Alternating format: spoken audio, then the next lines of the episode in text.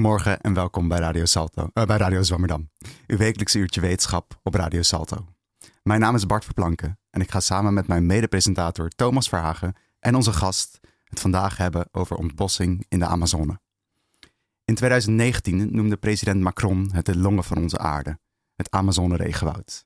Met een oppervlakte van ongeveer 6,7 miljoen vierkante meter is het voornamelijk in Brazilië gelegen regenwoud twee keer zo groot als India en huist het ongeveer 10% van alle levende soorten op aarde.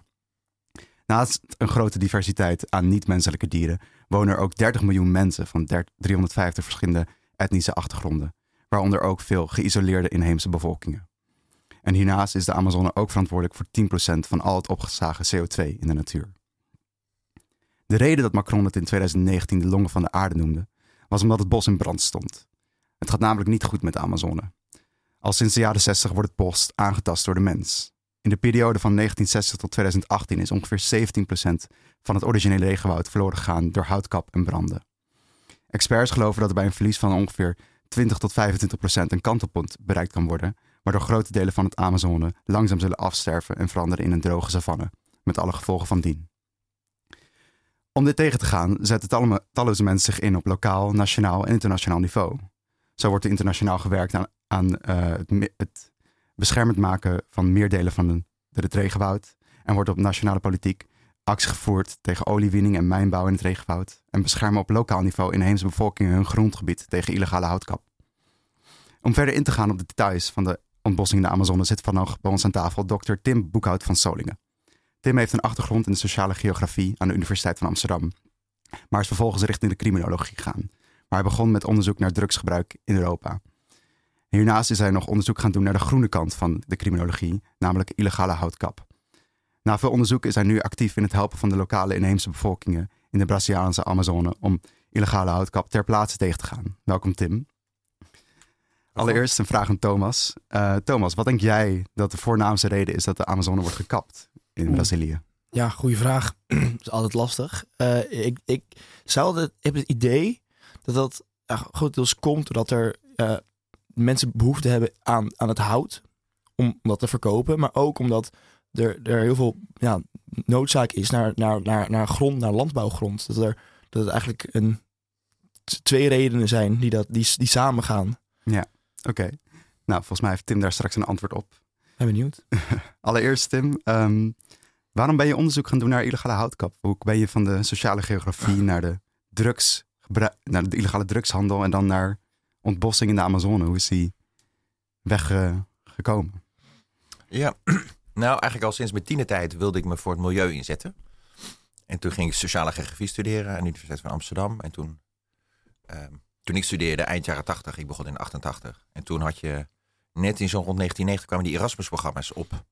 En ik dacht van, hé, hey, dan kan je in het buitenland studeren. Dus dat leek me helemaal te gek. Dus ik heb me toen daarvoor aangemeld. Toen ben ik een heel jaar naar Parijs gegaan, aan de Sorbonne. En daar las ik uh, eigenlijk in Le Monde Diplomatiek uh, over de illegale drugsmarkt. En dat uh, toen, in die tijd, hè, 1990, dus het ging dan over 300 miljard dollar, 8% van de internationale wereldhandel. En het was toen nog Koude Oorlog, of net nog het laatste staartje van de Koude Oorlog dat heel veel onafhankelijkheidsbewegingen, of heel veel, maar verschillende, zich financierden met drugs. En dat ook soms werd toegestaan, bijvoorbeeld door de Verenigde Staten, terwijl die tegelijk de war on drugs vochten. Maar als dan bepaalde partijen, bijvoorbeeld in Centraal-Amerika of in Centraal-Azië, tegen de communisten vochten, dan was het goed. En dan moest je die luist uh, geld laten verdienen met drugs, omdat ze de wapens verkochten. En tegen, weet je, dus ik denk, wauw, dat is interessant. Want ik, ik had sociale geografie, politieke geografie, internationale betrekkingen. En dan nou ja, dus ik dacht, wauw, dus daar wilde ik meer over weten. Dus ik dacht, daar wil ik eerst wat meer over weten. Ik, ik heb het altijd een soort uitstapje gezien. En door die drugsproblematiek heb ik heel veel geleerd over internationale betrekkingen. En over machtsverhoudingen tussen regeringen en, en politieke agenda's. Hoe dat werkt. Maar dat, ik zag het altijd als iets tijdelijks en ik wilde uiteindelijk... En toen werd ik eigenlijk min of meer toevallig via die drugsstudies... werd ik docent criminologie in Utrecht. En toen dacht ik, oh ja... Um, ja, hoe, hoe, dacht ik, zat ik naar, hoe kan ik nou naar die milieu gaan? Toen dacht ik, oh wacht. Als ik nou op die tropische ontbossing, als ik me daar nou op concentreer, dat is, had ik dan gelezen in de krant, dat heel veel illegaal was. Dan denk oh, nou, als het illegaal is, is het criminaliteit. Dus dan kan ik mij als criminoloog daarmee bezighouden.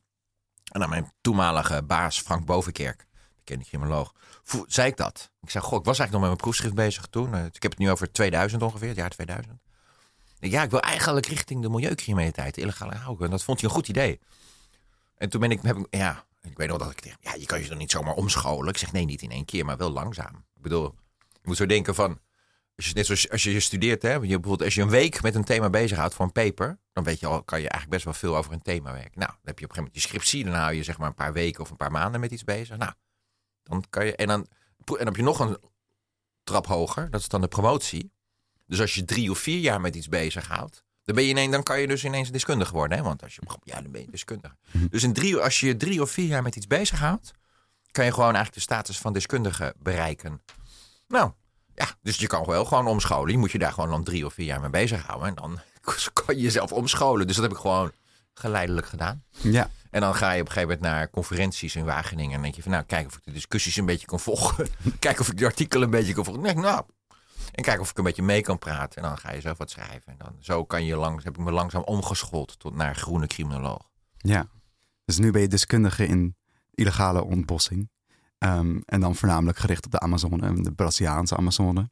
Ehm, en waarom wordt de Amazone ontbost? Is dat anders dan ontbossing in andere delen van de wereld? Ja, ja, ja, ja. ja. Nou, ik ben eigenlijk ook vooral ehm, op het, gespecialiseerd in equatoriale ontbossing. Ik ben eigenlijk met, zelf persoonlijk geïnteresseerd in de equatoriale bossen. Dat is een subcategorie van de tropische bossen. En de equator is echt gewoon langs de evenaar.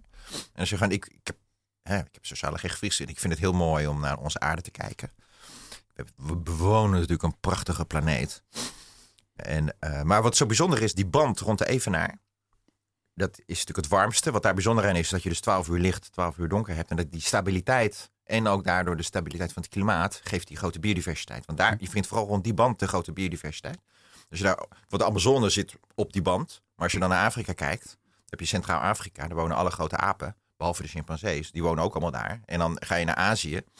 En dan heb je echt Indonesië vooral, de Indonesische archipel. En dan heb je de orang-oetangs, maar ook heb je ook de bosneushoorn en de bosolifanten daar. Dus je hebt eigenlijk de meest bijzondere biodiversiteit rond die equatoriale. Dus ik heb ook, voor alle, ik heb ook veldwerk gedaan in Indonesië, naar illegale houtkap, op- in de binnenlanden van Borneo. Ik heb onderzoek gedaan naar Centraal-Afrika ook. Dus, dus, dus mijn fascinatie gaat uit naar de equatoriale regenwouden, maar dan daarbinnen, ja. Ehm, ik bedoel, hebt vooral de Amazone. En in de Amazone, die is er heel anders eigenlijk, die regenwouden. Want in, in de equatoriale eh, regenwouden van Afrika en Azië heb je hele grote zoogdieren. Hè, je hebt de bosolifant, de, de neushoorns en grote apen. In de Amazone niet. Daar heb je alleen maar kleine dieren eigenlijk. Je hebt alleen de tapier, is eigenlijk het grootste dier. Hm. Maar je hebt daar geen grote landdieren. De aapjes zijn maximaal 13 kilo. Veel kleiner dan, eh, dan die in Centraal. Eh, dus het is heel anders. Ook een heel groot verschil is. Mensen denken altijd dat het één ding is. Maar bijvoorbeeld de, in de dieren in de, in de Afrikaanse equatoriale bossen of tropische en Aziatische, die eten vooral bladeren. In de Amazone eten de dieren vooral vruchten. En de, de bladeren dus niet. Want, dat, want de, de, de bomen in de Amazone, je hebt bijna- geen bladeters daar. Die bomen beschermen zich tegen de bladeters. En dat is omdat de bodem, begrijp ik, ik ben geen bioloog, maar wat ik hier dan van lees en begrijp is dat de bodem, dat weet ik wel, de bodem van de Amazone is veel armer vergeleken met die van Azië en, en, en Zuidoost-Azië. Ehm, dus de bomen moeten zich beschermen zich. Die hebben die bladeren nodig om, voor de zon. Dus die beschermen dat zij worden gegeten. En daar, en de dieren in de Amazone eten dus vooral fruit. Dus dat is toch best wel heel anders. Weet je, je denkt allemaal hetzelfde, maar eigenlijk als je een beetje inzoomt.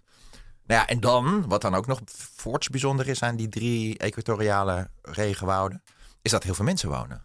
Het zijn echt bewoonde bossen. En, eh, nou ja, en ik heb op een gegeven moment tijdens een onderzoek dat ik deed in, in Brazilië voor NWO, de Nederlandse Organisatie van Wetenschappelijk Onderzoek. Ik heb echt geleerd toen ik in de Amazone, ik heb er vier jaar, de helft van het jaar gewoond, zes maanden per jaar. Ehm, dat als je de Amazone wil beschermen, moet je samenwerken met die gemeenschappen. Dus ik denk, ja, eh, dat is zo logisch eigenlijk, als je erover nadenkt. Ik bedoel, stel jij, eh, stel je woont zelf in een bos en de wereld wil dat bos beschermen. Dan zou je het ook logisch vinden dat ze een keertje met jou komen praten. Hè? Van Ja. De wereldgemeenschap. Hè? Van, goh, vertel jij eens, jij woont hier. Van, hoe zie jij, kijk jij er tegenaan? En dat gebeurt dus eigenlijk vrijwel niet. Dus dat is een grote absurditeit, vind ik. En ehm, ik heb geprobeerd mijn ideeën te verkopen aan grote NGO's. Eigenlijk niet gelukt eigenlijk. Dus toen heb ik uiteindelijk mijzelf een soort stichtingje opgezet. En ben ik mezelf maar dingen gaan doen. Weet je wel? Dus ja. Ja, Ehm, Forest Forces. ja, een stichting eh, heb ik opgericht, Forest Forces. Ehm, ik ga, me- dit jaar ga ik wel fuseren met een andere stichting, samen met Shinji Foundation. Maar dat is gewoon eigenlijk, ik, ik, ik heb allemaal werk in de Amazone samen met inheemse bosbewakers. Ik noem ze Forest Guardians, ik noem ze bosbewakers. Ze bewaken het echt. Ehm, maar ik, heb, ik ben niet goed in het runnen van een organisatie. Dat wilde ik ook helemaal nooit. Ik wil gewoon dat bosbeschermings doen. Werk, eh, werk doen met hen en, die, en, en de inheemse bosbeschermers of bosbewakers. En niet ook nog een organisatie runnen. Dus daarom ga ik nu fuseren met Shinshi om hetzelfde te kunnen blijven doen. Ja. Want dit is, ja, het is allemaal eh, vrijwilligerswerk voor mij. Het is nog geen betaald werk, dus ik doe dat naast eh, betaald werk. Ja, Je, je had het net over dat de, dat de dieren in het Amazone-regenwoud anders zijn dan die van het Afrikaanse en het Aziatische. Hoe, hoe komt dat? Is, dat? is er een reden voor dat ze zo klein zijn en eh, dat het zo afwijkend is van de andere twee?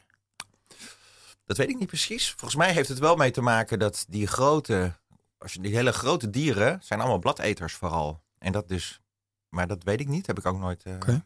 Ik heb het neem wat meer als een ja, gegeven. Maar ik geloof het al, want ja. En dat je dat, dat die, dat heeft natuurlijk wel met de evolutie en, en eh, te maken en de ijstijden, denk ik ook. Maar ehm, dat het een van daar niet gelukt is, dat die grote dieren daar niet hebben overleefd, op een bepaalde manier. Hè? Van, maar ja, of omdat ze dus de bomen niet toestaan dat die bladeren worden gegeten. Dus dat ze daardoor nooit groot konden worden. Ik weet het niet. Want je hebt natuurlijk vroeger wel he- grote, he- he- heel vroeg, wel grote dieren daar gehad. Ehm, maar goed, ik ben geen evolutiebioloog, dus ik ben nee. Ja. Eh, nee. Ik, misschien- dat is wel een interessante vraag misschien eh, om een keertje aan een, eh, aan een bioloog te vragen. zeker, zeker. Maar je zei al inderdaad van de grond is eigenlijk helemaal niet heel vruchtbaar. Daarom ehm, eten de dieren vooral de vruchten ervan. Maar toch wordt de grond wel gebruikt, want alle bomen worden gekapt. Of tenminste, een groot deel van de bomen wordt momenteel gekapt. Ehm, en die grond wordt gebruikt voor meerdere redenen. Ehm, en Ja. wat zie jij, wat, wat, is de, wat is momenteel de voornaamste reden dat het gebruikt wordt, de grond? En Ja. waarvoor? Ja, ik moet wel iets corrigeren. De meeste bomen worden niet gekapt. Er worden maar enkele bomen gekapt. In de Hm. tropen, dus ook maar zeggen, als je het over boomkapt hebt, houtkap, dan is er een heel groot verschil tussen tropische regenwouden en niet-tropische regenwouden. Bijvoorbeeld in Canada, Rusland, Scandinavië, daar betekent houtkap betekent ontbossing. Want ze nemen eigenlijk alle bomen. Ja. Het zijn maar drie soorten eigenlijk, ze nemen alles. Maar in de tropen is het altijd selectief. Dus in de tropen leidt, is houtkap eigenlijk nooit, is niet gelijk aan ontbossing. Troop is altijd, ze zoeken alleen, want in de tropen heb je zoveel, op één hectare heb je al meer boomsoorten in de Amazone dan in Europa. Dus ze zijn altijd maar in drie of vier soorten eigenlijk geïnteresseerd. In de grote, in, in die, in de meeste niet. Dus ze zoeken een paar bomen eruit, die kappen ze. En het bos, dat leidt, houtkap leidt niet tot ontbossing in de Amazone. Dus ze halen een paar uit, maar het blijft bos. Het is een uitgedund bos. Hm. Ehm, en de ontbossing, dat, eh, dus de meeste boompjes laten ze staan. Dus ze halen alleen een paar grote joekels eruit. En het bos blijft staan. En de ontbossing gebeurt met bulldozers en tractoren. Dus, met, dus de grote worden eruit gehaald, dan is uitgedund. En dan komt de veeboer. De veeboeren zijn verantwoordelijk voor de meeste ont- ontbossing. En dan eh, hebben ze vaak eh, bijvoorbeeld eh bulldozers met kettingen. En dan trekken ze die kleine of de grotere bomen, duw je omver. Eh, en dat gebeurt altijd zo ehm, in het voorjaar. April, mei, juni. Dan doen ze dat. Waarom? Dat is net, net naar de regentijd. Want in de regentijd kan je niet met je bulldozers dat bos is veel te nat, dus veel te veel gedoe. Dus ze wachten altijd tot de, eh, tot de droge tijd. Het begint in april, mei. En dan komen ze met een bulldozers en zo. En dan worden die bomen omver geduwd dus. Dat is de ontbossing. En dan laten ze dat een paar maanden drogen. En dan is het... Want je kan dat normaal niet in de fik steken. Het is tropisch regenwoud. Het is niet eh, bos Hmm. zoals eh, in, eh, in Griekenland of in, in, Zuid-Frankrijk. Dat, dat is een mediterraan klimaat. En dat is oh, de helft van het jaar droog. Dat fikt uit zichzelf. Amazonewoud brandt niet uit zichzelf. Moet je voorbereiden. Dus dat doen ze. Dus dan, zeg maar april, mei of stel mei, hup, wordt het ontbost. Mei, juni, dan is het, on, dat is het ontbossingsseizoen. En dan moet het droog, wordt het, ligt het daar in de zon tot augustus, september. En dan is het droog genoeg. En dan steken ze de brand erin, de fik erin. Dus dat is de cyclus van de ontbossing. Ja, Maar de, de houtkappers, dat is wel, die hebben wel al wegen gemaakt. Om die grote bomen, om die grote joekels eruit te halen. Dus hebben, en, en daardoor wordt het bos toegankelijk voor die boeren. Weet je wel? Dus die houtkapper speelt wel een, een belangrijke rol van de, als eerste fase.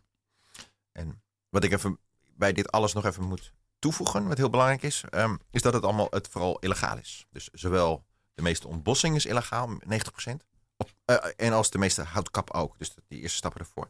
De meeste houtkap is illegaal. Maar ook wat die boeren doen, is ook hoofdzakelijk illegaal. Dus meer dan 90%. Dus het is gewoon echt een grote illegale activiteit. ja, en het is illegaal. Maar waarom stapt de overheid dan niet in? Wat, waarom wordt daar niet iets aan gedaan? En, en waarom krijgen de ontbossers niet een papiertje voor? Of wachten ze daar niet op? Nou, ze, die ontbossers zorgen wel dat ze papiertjes krijgen. Die voor de eh, kopers in Europa voldoende zijn. Hm. Dus, zo, eh, dus dat is hoe ingewikkeld het is. Ze hebben allemaal papiertjes. Het Hm. lijkt op papier. En als de als Nederlandse supermarkten. Ja hoor, het wordt overal wordt aan voldaan. Dus die, die boeren zorgen dat zij. eh, Het enige eigenlijk wat de grote wat de marktspelers vragen, is dat die boeren zich registreren in een landbouw. Dat ze ergens geregistreerd staan. Dus die doen dat. Dat is wat de markt vraagt. De grote supermarktketens ook hoor. En de grote sojaboeren en, en de, het pensioenfonds in Nederland. Die vraag ik alleen maar dat ze dat doen. Dus die zijn geregistreerd. En er worden verder geen vragen gesteld. Maar dat is een illegale registratie. Hm. Ja, we zitten. Dus dit, als je er gewoon goed hierover in zit, het is echt één grote scam gewoon. Ja. En je wordt dus allemaal voor de gek gehouden. Het is gewoon af- hoofdzakelijk illegaal, maar het komt gewoon hier eh, eh, allemaal naar Nederland. En, en, ehm, nou ja, en waarom de- doet de overheid dat niet? De, volg, de, de afgelopen regering van Bolsonaro, die, ehm, ja, die wordt gesteund eigenlijk door, door de agro-lobby, de landbouwlobby. De sterkste lobby van Brazilië. Ook heel veel. En dus, eh, dus de, die, profiteren er allemaal van. Dus de partij profiteert ervan. Het is waar de economie van Brazilië op draait. Die, die landbouw, die exploitatie van dat eh, Amazonewoud. En heel veel eh, politici, vooral aan de rechterkant van het spectrum. Dus Bolsonaro-aanhangers. Die hebben ook veel persoonlijke belangen. Dat zijn, er zitten aardig eh, wat landrovers tussen. Landgrabbers, landrovers. Ik kan misschien nog even uitleggen later hoe dat werkt. Want ook dat gaat mensen denken, "Lala, hoe gaat dat dan landrover? Ja, maar het gaat allemaal via landregistratie. Die mensen zijn wel allemaal geregistreerd. Die registreren zich, alleen illegaal dus. En dat is het roven. Dat je dus doet alsof dat van jou is. En eh, bedoel, er zitten ook Nederlandse banken. De Rabobank zit hartstikke veel in. Ik denk dat Rabobank ook allemaal landroof faciliteert. Hm. Weet je wel? En ook eh Ahold, om eventjes wat namen te noemen. En ook Al- Algemeen Bergelijk Pensioenfonds. Die zitten allemaal, die financieren allemaal die partijen die daar. Maar die zijn eigenlijk in illegaal land aan het registreren en illegaal aan het ontbossen. Het is gewoon één grote criminaliteits... eh, ja, criminal scheme, zoals je dat in het Engels leuk zou zeggen. Ja, Ja. Nee, ja. Ehm, dus het zijn te, allemaal, waarom eh, wordt daar niet tegen opgetreden? Te- allemaal commerciele belangen. Alleen nu, sinds januari, is de nieuwe regering aangetreden. Dus nu gaat er weer worden opgetreden. Dus bijvoorbeeld, ik was, een kleine anekdote. Ik was vorige maand, begin december, was ik bij het Openbaar Ministerie in Brazilië. En het Openbaar Ministerie is niet corrupt. Mensen denken dat alles corrupt is, helemaal niet zo. Eh, sommige, nee, je moet heel erg daarin differentiëren. Het Openbaar Ministerie is zeker niet corrupt. Maar ik was bij het Openbaar Ministerie en ik zei tegen de assistent van de officier van justitie. Ik zeg, goh, die ik heel goed ken al heel lang. Ik zeg, goh, eh, dus vanaf volgende maand eh, wordt er weer eh, gehandhaafd, zei ik. Ik was, ik was ook een beetje nieuwsgierig hoe die, daarop zou reageren. Hij zei, ja, ja. Hij zei, maar... Hij, toen zei hij, ik denk dat het nog wel twee jaar duurt voordat we het weer helemaal hebben opgebouwd. Moet je nagaan, dat is helemaal uitgekleed. Wetshandhaving is helemaal, gewoon een hele milieu- milieu- milieupolitie bestaat niet meer. Het is allemaal ontslagen. We hebben geen auto's meer. Alles is gewoon helemaal wegbezuinigd. Dus moeten weer mensen worden aangenomen. Moeten weer auto's, moeten mensen ingewerkt worden. Weet je wel. Dus de milieuhandhaving moet nu langzaam worden opgebouwd. En dat gaan ze nu doen. En Marina Silva, de milieuminister, uit de Amazone afkomstig. En die ook al twintig jaar geleden ook milieuminister was bij Lula. En toen hebben zij samen die ontbossing 70% teruggebracht. Dus ze weten hoe het moet. Door, gewoon door wetshandhaving. Milieuhandhaving, zoals dat heet. Dus ze weten hoe het moet. Daar heb je niet alles mee. Maar gewoon door handhaving. En dat gaat nu de komende jaren gebeuren. De handhaving gaat weer terugkomen. De wetshandhaving. Ja. En daardoor gaat ontbossing weer teruglopen. Dus het kan zeker wel Ja. op, eh, Ja, op overheidsniveau. Ja. En jij hebt er ook voor gekozen om lokaal te- in te zetten en dan het, het helpen van de inheemse bevolking om daar lokaal eh, de ontbossing tegen te gaan. Eh, zodat de, de bevolking zelf hun eigen grond kan beschermen met bijvoorbeeld behulp van de GPS. Ja. Waarom heb je voor die aanpak gekozen? Nou, omdat me dat een, eh, een heel goed idee leek. Eh, want ik, toen ik daar woonde, heb ik er heel veel over nagedacht. Weet je, ik woonde, ik heb op verschillende plekken gewoond. En ook nou ja, twee huizen waar, waar ik heb gewoond. Eentje was, woonde ik op het strand. Prachtig strand. Op het eerste gezicht. Maar s'avonds kon je niet lopen, is levensgevaarlijk. Ik bedoel, er zijn mensen verkracht, beroofd en vermoord. Dus- Dus dan, nou ja, weet je, dat is ook de Amazone, is een gebied van wetteloosheid. Maar goed, er zat verderop een eh, Frans houtbedrijf. En die werden soms s'nachts allemaal bo- eh, hout eh, geladen. Enorme duwbak met enorme boomstammen. Ik weet wel eens wakker daarvan. Dat is met, met. Dat ze gewoon urenlang al die boomstammen. eh, Van die, van die, ja, dat gebeurde dan eh, gebeurde 50 meter van mijn huis, weet je. En, ehm, En eh, een ander huis waar ik woonde, werden ook soms gewoon allemaal vrachtauto's. Gewoon allemaal hele rijen vrachtauto's voor mijn deur. En van allebei die plekken heb ik nooit. Ik heb heel veel foto's van Amazone, maar van die plek heb ik nooit foto's durven nemen. Want ja, dat is toch gewoon, hé, hey, ze dat zien dat ik foto's maak, dat betekent dat ik daar geïnteresseerd in ben. Dus moet je, ja, dat is, vond ik te gevaarlijk. Dat heb ik nooit gedaan. Maar toen heb ik, dat heeft me wel een enorme um, impact op me gehad. Dat ik dus echt heel, echt avonden heb zitten nadenken. Jeetje. Ook van, ik denk, hallo. Het zijn vooral heel veel biologen die zich bezighouden met die ontbossing. Hebben heel veel NGO's. Dat zijn allemaal biologen. Ik denk, ja, hallo, maar we hebben te maken met criminaliteit. en ik dacht van, ik ben nu inmiddels criminoloog. Dus ik dacht, ik moet toch iets slimmers kunnen bedenken dan die biologen. Dat zou je toch wel hopen, toch? Hallo. Dus ik voelde ook wat druk van op mijn, hè, uh, met mijn um, expertise. En ik, ja, kom op zeg, ik ben criminoloog. Ik moet toch iets slims kunnen bedenken hierop. Dus heb ik, nou, toen dacht ik, ik heb ontwikkelingsstudies ook gestudeerd bij sociale geografie. Dus ja, ik, ik dacht, het, probleem van heel veel ontwikkelingsprojecten is dat ze gaan ze bijvoorbeeld een put bouwen of zo, of een machine geven, maar dan kunnen die mensen dat niet repareren. Dus ik wilde. En heel veel ontwikkelingsprojecten zie je dat ze afhankelijk zijn van de externe consultants die moeten invliegen. Dus ik dacht van oké, ik wil iets bedenken. Ik had drie randvoorwaarden. Eén, dat ze zelf kunnen doen. Dat je niet elke keer zo'n dure consultant hoeft in te vliegen. Dat ze zelf kunnen. Twee, is dat simpel is, eenvoudig en efficiënt. Dat waren een beetje mijn randvoorwaarden. Dus ik een beetje te denken. Toen dacht ik, ben ik uiteindelijk uitgekomen. En ik zat al heel lang een beetje soort intuïtief te denken over iets met GPS. Want die Amazon is zo groot. Zoals je zei, hè, de, twee keer zo groot als India. En de Braziliaanse Amazon is groter dan anderhalf keer India. Ehm, en toen dacht ik van met GPS-coördinaten. Ik dacht op een of andere manier moet dat handig zijn. Dus ik zat er maar een beetje over. En toen ging ik dat met de professieren van justitie uh, bespreken. Ik zei, ik zit erover te denken om GPS-apparatuur te introduceren in de binnenlanden bij de gemeenschappen. Wat, wat, wat, vinden jullie daarvan? Of kunnen jullie daar wat mee? En dan vonden ze, ja nee, dat is een hartstikke goed idee. Mhm. Zeiden ze, we hebben zelfs de GPS-coördinaten nodig om op te kunnen treden. En toen bleek het aangifteformulier gewoon, staat ook gewoon coördinaten, dat betekent GPS-coördinaten. elke wand.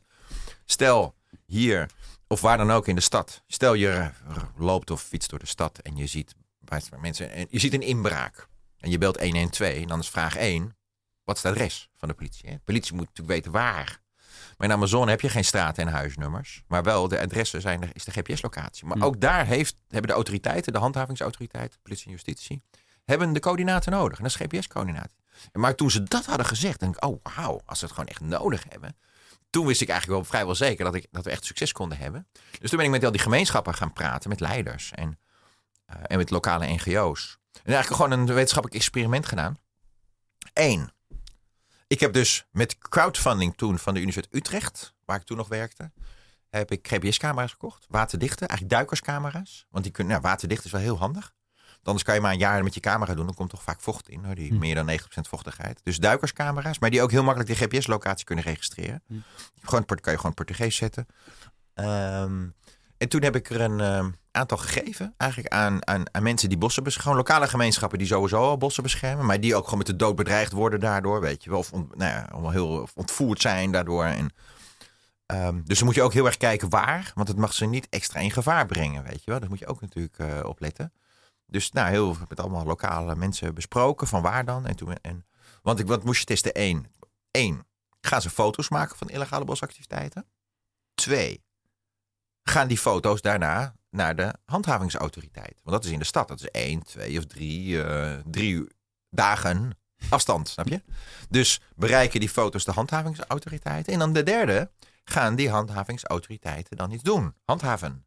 Nou ja, en 1, 2 en 3 was gewoon ja. Hm. Ik ben dus begonnen met Chief Dada Borari. Die, uh, omdat hij al goed georganiseerd was. En die had een heel team opgezet. Van Force Guardians, bosbewakers in hun inheems gebied.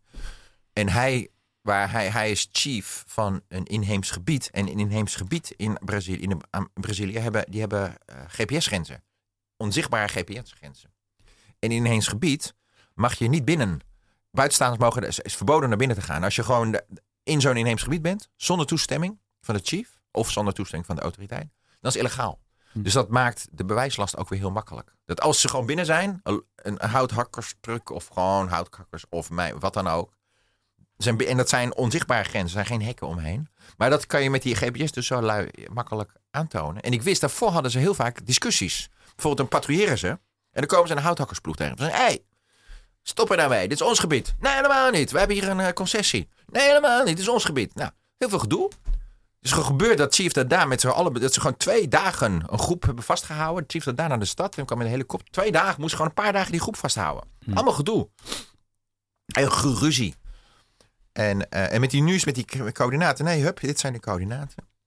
Ehm, nou, en ons, ik heb in 2015 de eerste camera aan Chief Dada gegeven. En in 2016 hadden zij al heel groot succes.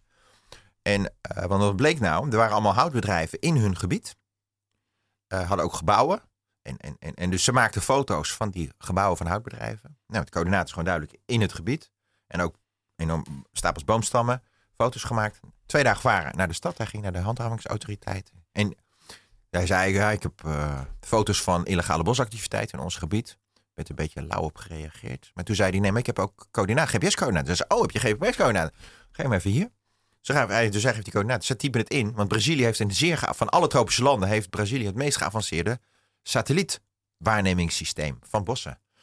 Dus die typen dat in en dan krijg meteen een, hele- wand vol eh, schermen. Poef, krijg meteen de satellietfoto van die coördinaten. Dus, en hey, hij had het van opzij, hè, de- van die gebouwen, van die houtbedrijven. En hup, zij krijgt, hmm, ja, lijken wel dezelfde gebouwtjes. Stapels boomstammen daarnaast, hmm, hij het zij-aanzicht, zij bovenaanzicht. Hmm, ja, lijken wel dezelfde. Hmm. Hier de chief die zegt dat het illegaal is allemaal. En dat noem je een 100%je in politietaal. Hè, meteen het bewijs. En eh, dus de politie heeft voorbereid, eh, operatie voorbereid. Joint operation van de IBAMA, Milieupolitie en de federale politie. De Braziliaanse FBI. IBAMA, de Milieupolitie, heeft, laten we zeggen, problemen met corruptie. Dan weet je nooit wie of iemand te vertrouwen is. Maar bij de, de Braziliaanse FBI, dat is de Braziliaanse FBI, daar heb je geen corruptie. Dus als die meegaan, dan weet je dat alles volgens het boekje gaat. En dat niemand gekke dingen gaat doen. Dus joint operation, helikopters, gewapende mensen met kogelvrije vesten. Zo gaat dat, eh, de milieuhandhaving in Brazilië. En eh, alle houtbedrijven zijn weg, boetes gekregen. En, en, eh, en nou, het heeft nog daarna wel even geduurd. Die houtbedrijf vond het natuurlijk vervelend. Dat, dat die ineens, ineens met een bewijs zijn dat ze weg moesten. Dus ze zijn nog wel een beetje teruggekomen af en toe. Maar goed, dat is nu ook. Maar nu zijn ze echt weg. Dus, dus, en ze hebben hem, Chief, daarna nog bedreigd. Maar nu zijn ze echt weg. En dat is, ja, dat is ons model geworden. Dat je dus zo. eh, want dit is eigenlijk het is criminaliteitspreventie. Het werd zo, stel je hebt een camera voor je deur en er wordt. En de preventieve werking werkt alleen als ze weten, als de potentiële boeven weten, dat die, die beelden ook naar de politie gaan. En dat weten ze nu. Wat verdikkie, die inheemse land met camera's rond, maar die beelden gaan naar politie en justitie. En die komen dan ook. En dan, daar, als dat is gebeurd, en dat is dus gebeurd, daarna is het patrouilleren voldoende door de inheemse bosbewakers om het te beschermen. Want de, de potentiële wetsovertreders, die weten, ja, hmm, als ze op de foto komen, dan gaan die foto's ook naar de stad. Dus, en, en daarmee heb je je preventiemodel. Weet je wel? Net zoals een camera bij de supermarkt, bij wijze van spreken. Ja, als er niks met die beelden gebeurt, dan heeft er geen afschrikkende werking. Maar als de, weet, de winkeldieven weten, hmm, die, die beelden komen naar de politie of die gaan naar opsporingsverzocht, weet je wel, dan heeft het afschrikkende werking. Dus dat is een beetje ons model. Ja. En, en eh, ja, Je hebt het over dat jij toen je daar woonde af en toe niet veilig voelde. Dat, je, dat er mensen worden bedreigd, chiefs. En dat er ja, de FBI met kogelvrije vesten eh, te werk gaat. Hoe moet ik die ja, criminaliteit achter dan voor me zien? Hoe gaat het in zijn werk? Hoe, hoe gevaarlijk eh, is dat allemaal? Nou ja, ik, dit, ik heb het nu over de deelstaat waar ik vooral werk. Dat is deelstaat Pará. Daar is het moordcijfer hoger dan in de stad Rio de Janeiro. Dus dat is eh, een gebied van wetteloosheid. Het is het wilde westen van eh, de Amazone. Je hebt, de Amazone is heel groot, maar het gebied waar ik dan werk, dat noemen we het, staat bekend als het wilde, de far west van de Amazone. Dus is, dat, het, is dan geweld van naar inheemse bevolking Ja. of ook op bosbe- eh, bosbebouwers of zo? Of hoe moet ik dat voor me zien? Is het, Het is de, de, degene waar het geweld vandaan komt. Dat zijn ehm, ja, met name pistoleros, dus huurmoordenaars. En die werken meestal, die werkten in de jaren tachtig vooral voor de goud, de illegale goudwinning. En die zijn eigenlijk in de jaren negentig voor de veeboeren en de sojaboeren en de houtbedrijven gaan werken. Dus die worden ingehuurd door eigenlijk, dus het zijn wel huurmoordenaars. Die eh, worden beroepscriminelen. Die worden ingehuurd door de landbouwsector en de houtsector. En, en, en, en die bedreigen milieuhandhavers, eh, en vooral inheemse bosbeschermers. Iedereen die maar iets daaraan, eh, die dat wil verhinderen. Die, en, en zoals zij het zeggen, die niet wil, eh, die de ontwikkeling stoppen. Dat is ontwe- economische ontwikkeling, hè, de, ontbossing. Dus mensen die zich tegen de economische ontwikkeling keren, die lopen gevaar. En doet de overheid ook iets tegen die, die huurmoordenaars? Of alleen tegen eh, Nou ja, de Jawel, maar het is natuurlijk ook gewoon, ik bedoel, om een voorbeeld te geven, de landbouwofficier, gewoon de officier van justitie voor landbouwzaken in dit gebied, die heeft permanent politiebeveiliging. Hm. Als ik haar ontmoet, ik ontmoet haar altijd, zit in het restaurant altijd met persoonlijke, met de politiebodyguard. Chief Tada heeft ook altijd heeft politiebodyguard, dus inheemse. Dus dat is gewoon, het is een, eh, strijdtoneel voor eh, eh, ja, het bos. Er zijn heel veel economische belangen om dat illegaal te exploiteren. En ze hebben de, de, het geld en de wapens. En, en dan heb je dus de inheemse en eigenlijk de wetshandhaving. Het is echt een strijd. En ja, en ik moet natuurlijk ook uitkijken, want ik heb partij gekozen. Op een gegeven moment, ik denk, ja, ik, tien jaar geleden besloot ik, ja, ik heb nu, hè, in 2002 gaf ik mijn eerste vak. En ik ben nog ongeveer 2012, dacht ik van, ik, ben nu tien jaar hiermee bezig. Maar ik zit alleen maar wat te schrijven, publiceren. Dat moet je hè, als wetenschapper. Ik denk, ja, en dan? Bij twee, tien jaar geleden dacht ik van, en dan? Heeft dat wat geholpen? Oké, ik heb eh, een paar duizend stude- criminologie-studenten milieubewuster gemaakt. Dat is dan op zich wel leuk, maar... En, eh, ehm, maar heeft het ook enig effect daar gehad? Dacht ik tien jaar geleden. ik, Nou, ik denk het niet. En toen ben, daarom ben ik dit begonnen. Ik denk wel dat concreet. En nu kan ik het wel zeggen. Nu ben ik echt gewoon, heb ik samen geholpen met de inheemse om echt bos te beschermen. Hebben we echt samen die houtbedrijven weggekregen. Maar ja, als je op een gegeven moment dus partij kiest, dan moet je ook wel weten van, eh, dan kunnen andere mensen dat niet leuk vinden. En ik ben niet persoonlijk bedreigd, maar ik ben wel heel veel gewaarschuwd. Gewoon ook zo concreet dat een Braziliaanse hoogleraar zegt, Tim, als je in het restaurant zit, je moet natuurlijk wel met je, deur naar, met je gezicht naar de deur gaan zitten. Hè? Dus zo word ik dus af en toe toegesproken door mensen. Van dat je in ieder geval nog kon vluchten. Ja. Weet je, als er een. eh, en, en ik eh, ben fit. dus, maar ja. eh, dus dat zijn wel dingen waar je over na moet denken. En ik loop niet meer over de boulevard s s'avonds. Weet je wel. Ja, Dat komt ook omdat gewoon in die site. heeft- Ik heb vorig jaar een journalist van die site meegenomen. Daar stond erin dat ik twee meter ben. was ik niet zo blij mee. Maar ja, ik, dan, dan, nee, Hm. ja. Nou ja, maar goed, ik mijn, of mijn uit. Dus ik moet er wel. Ik moet gewoon wel. als je partij kiest, dan moet je voorzichtig zijn. Ja. En je bent daar naartoe gegaan en je hebt echt specifiek gekozen voor die vorm van meer kwalitatief onderzoek. eh, waar op de universiteit vaak misschien wel kritiek voor is. Daar is het natuurlijk meestal kwantitatief. Maar jij bent daarheen gegaan, je hebt contacten opgebouwd met inheemse bevolkingen en met andere mensen in die, ehm, die allemaal in dat circuit zitten. En wat vind jij, denk je, de waarde van, van op die manier onderzoek doen en daarmee actie voeren? Dus op een kwalitatieve manier. Ja, je kan het ook. eh, er is aan de VU een collega. Die doet meer kwantitatief eh, onderzoek naar met rangers in Oeganda. Dat kan je natuurlijk ook doen, of hoe mensen bewegen. Maar ehm, ik heb ook wel eens kwantitatief onderzoek gedaan trouwens. Maar ik vind kwalitatief onderzoek gewoon leuker. Want het Hmm. is gewoon met mensen praten. Dus dat is. En ehm, ja, uiteindelijk. Ja, het zijn bijna een soort militaire operaties eigenlijk, weet je wel. Van dat je dus echt gewoon met kaarten zit. En waar, waar, waar, waar welke kant komen ze. Ik bedoel, kijk, want het zijn boeren. En uiteindelijk komen mensen, de houtkappers, maar ook de huurmoordenaars, die komen of via een weg of via een rivier. dat zijn, hè? Dus ja, er zijn niet zoveel wegen. Er zijn wat zandwegen meestal. Dus ja, je kan altijd. Dus daar moet je ook je strategie op aanpassen. En. ehm, eh, wat wil ik nou zeggen hierover? Eh, nou ja, uiteindelijk is het toch gewoon. Je moet kijken van. Ja, is toch veel menselijker, vind ik. Goed, ze kunnen over de weg, over, over de rivier komen. Maar je kijkt, oké, hoe kunnen we hier een soort controleposten. Of hoe kunnen we. Ja, hè, hoe, eh, hoe kunnen we dit beveiligen? Ja. En uiteindelijk, het is gewoon een stuk bos. Met een paar dorpen. En de Force Guardians, die hebben een schema van. Die, pat- die patrouilleren hun gebied. Weet je, of soms met grote aantallen. Want Chief Dada in 2011 die begon met 11. Maar nu zijn er meer dan 40 Force Guardians, mannen en vrouwen. Dus- Dus ze patrouilleren een gebied. Maar heb je soms met grote groepen. Maar dan ook weer kleinere aantallen. Soms te voet, heel veel te voet. Of soms stukken met motor. Ja, ik bedoel, zij, waarom zou je dat kwantitatief aanpakken? Zij wonen daar.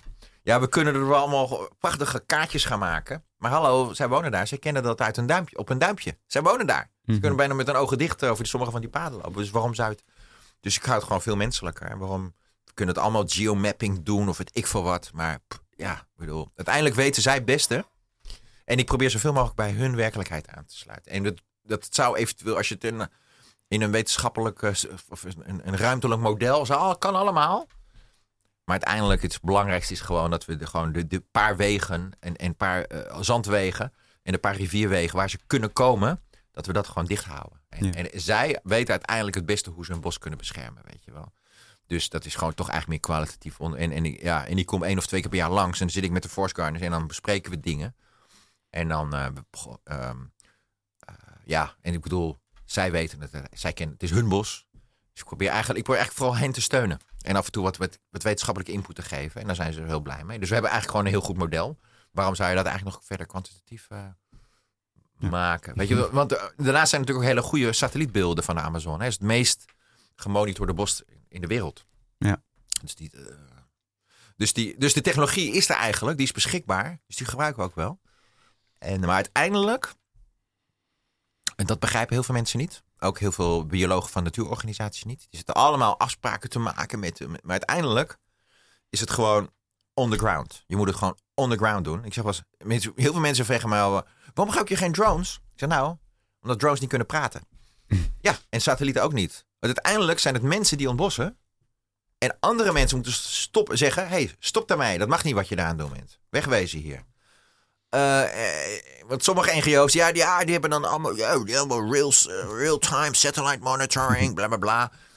Ja, alleen maar waarnemen, waarnemen, waarnemen.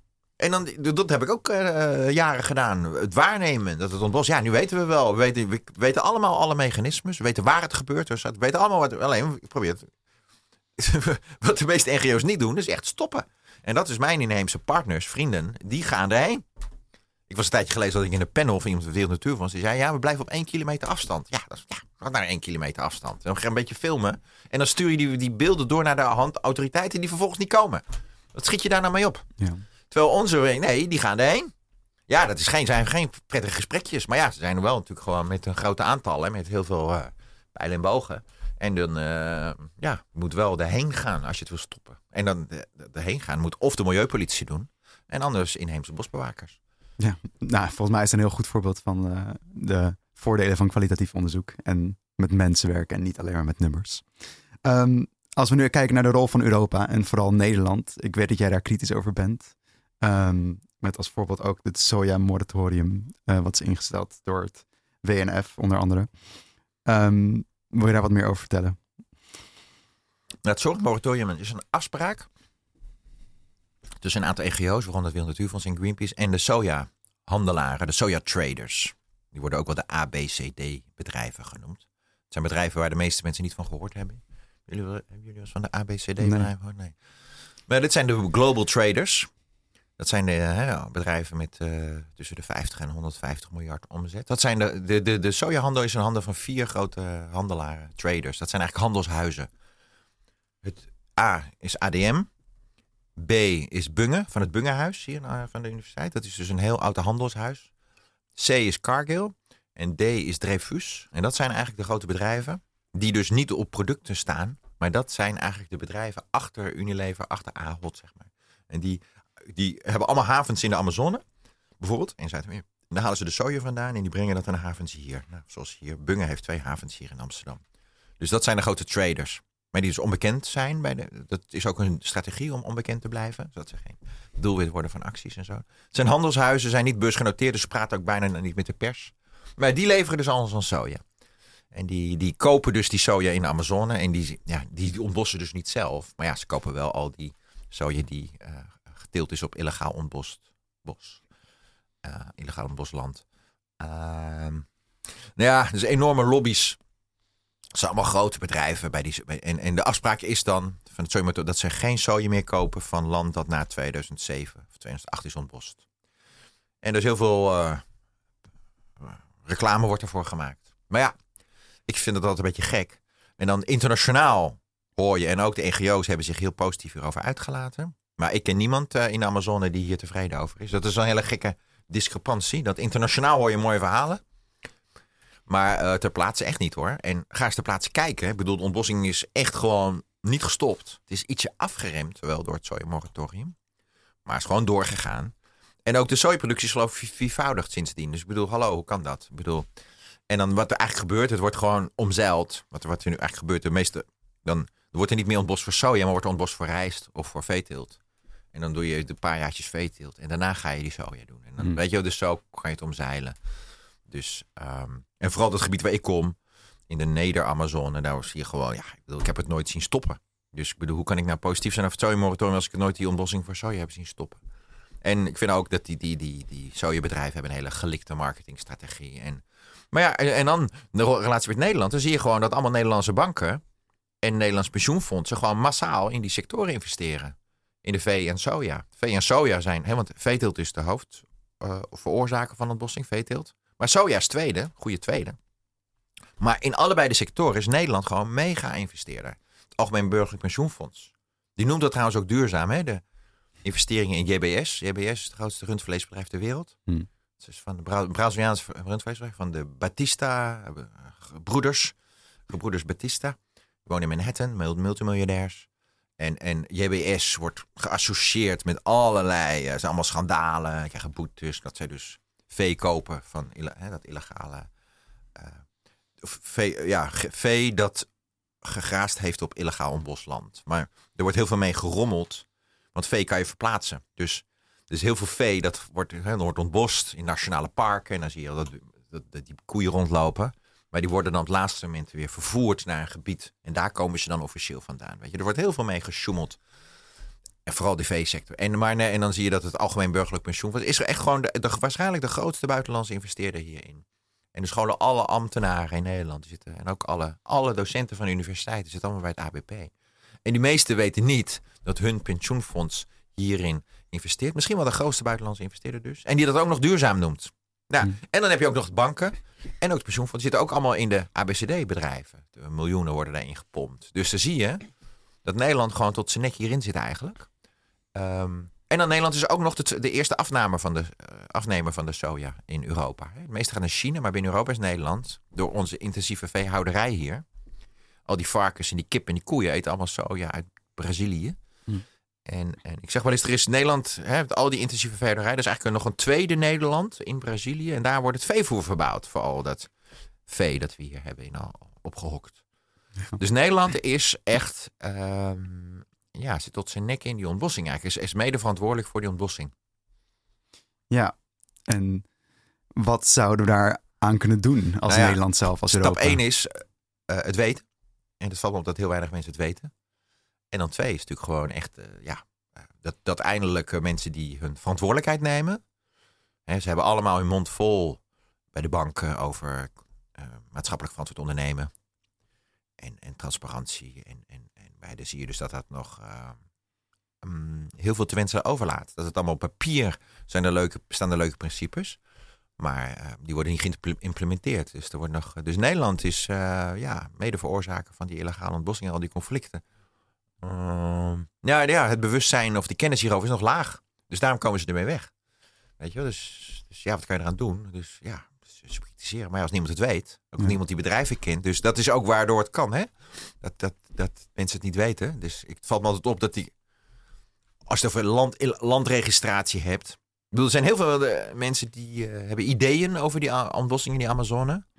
Maar er zijn maar weinig mensen die het begrijpen. Dat het dus eh, met landregistratie gebeurt, met illegale landregistratie, die door de Nederlandse supermarkten en investeerders allemaal worden geaccepteerd. Waardoor dat legitieme partijen lijken.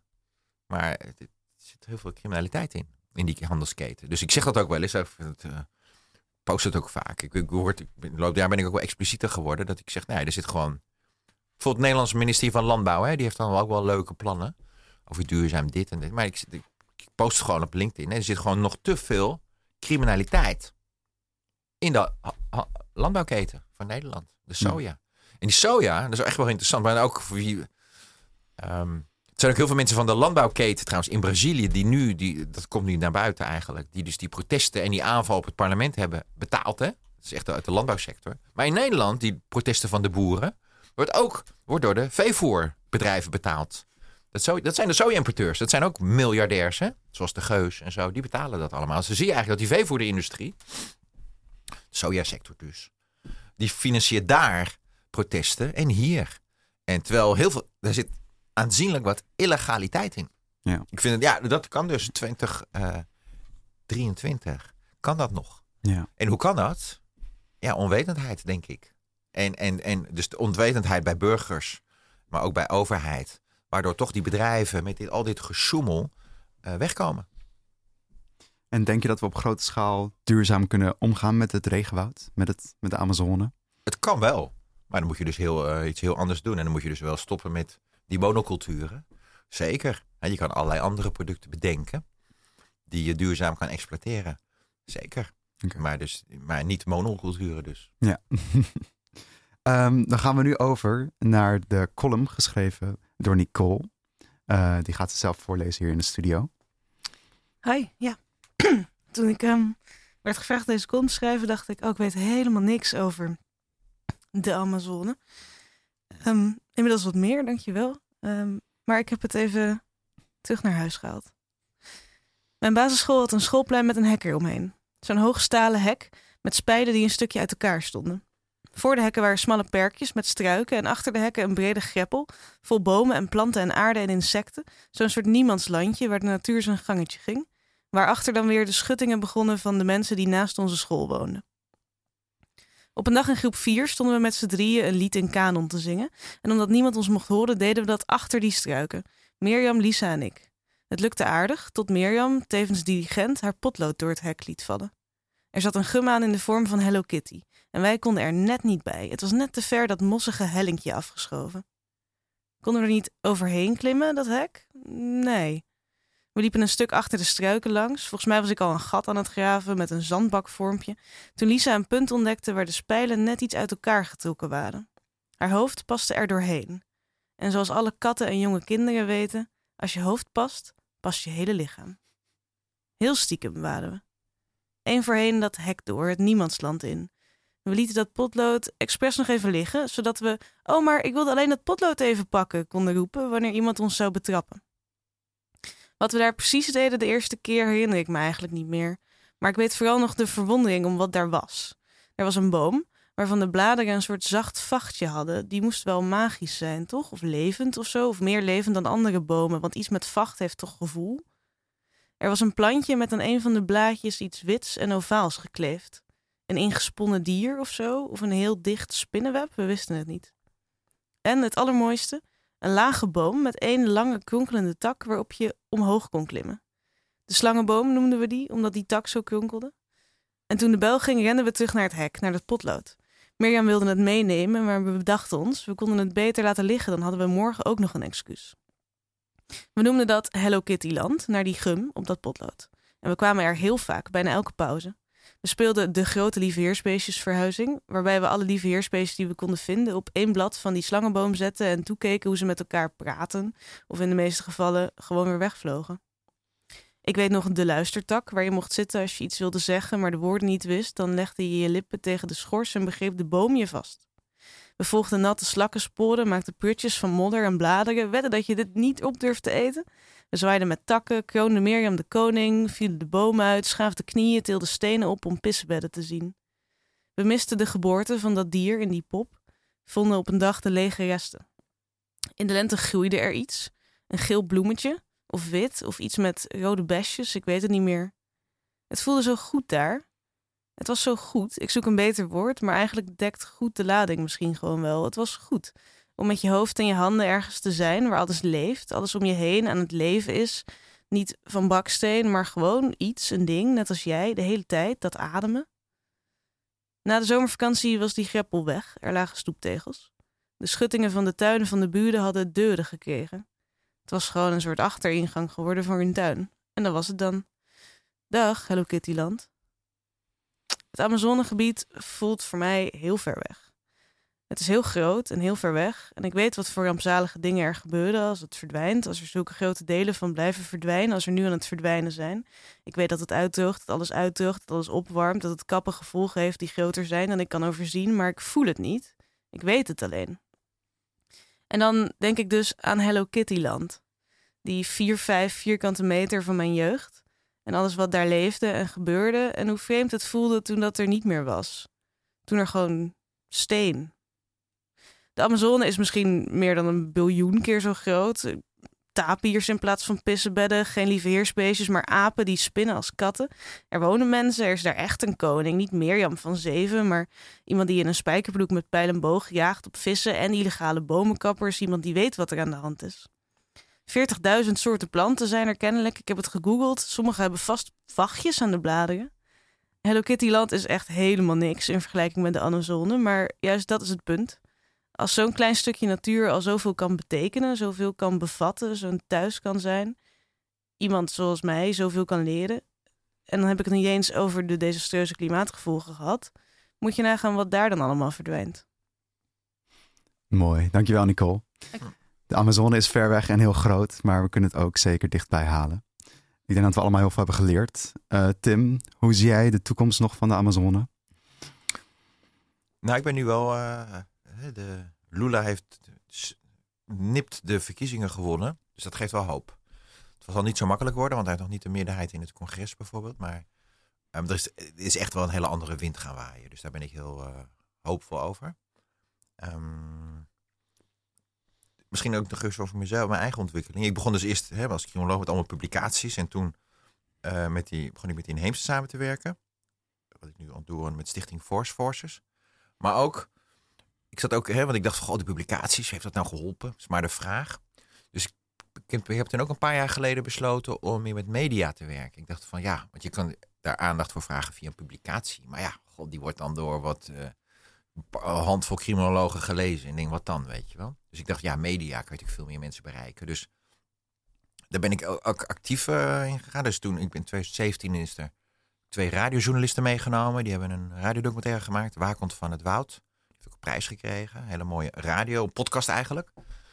Van Mirjam van Biemen en Meike van Wijk. Die, eh, die zijn met me meegegaan toen. En in 2019 kwam het programma De Reunie. Is met me, heeft me gevolgd. Dus nou, daar kijken dan een miljoen mensen naar of zo. Maar ja, dat heeft ook ja, eigenlijk toch geen concrete impact. Nog, geloof ik.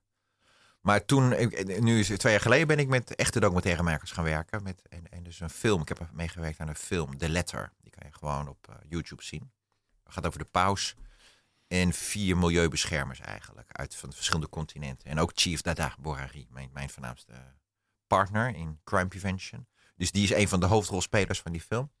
Ik heb nu laatst, in september, heb ik, ik werk nu aan mee aan een tweede film. Over de onzichtbare wees van het bos. Die hebben we al gefilmd.